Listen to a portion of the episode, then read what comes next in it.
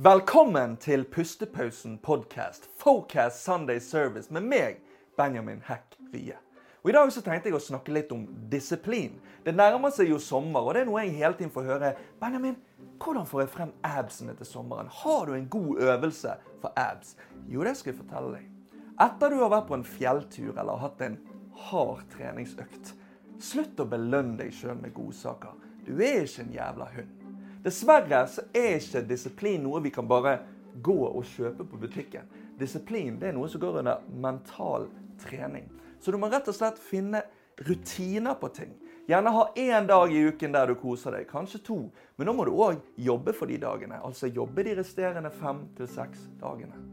Og når det kommer til motivasjon, hva er motivasjonen din til å gjøre dette? For det er veldig mange som ikke er motivert til å begynne å trene.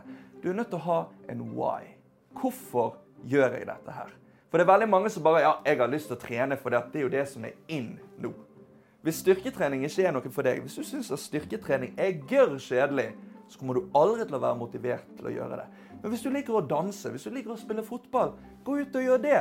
For det er noe du er motivert til å gjøre.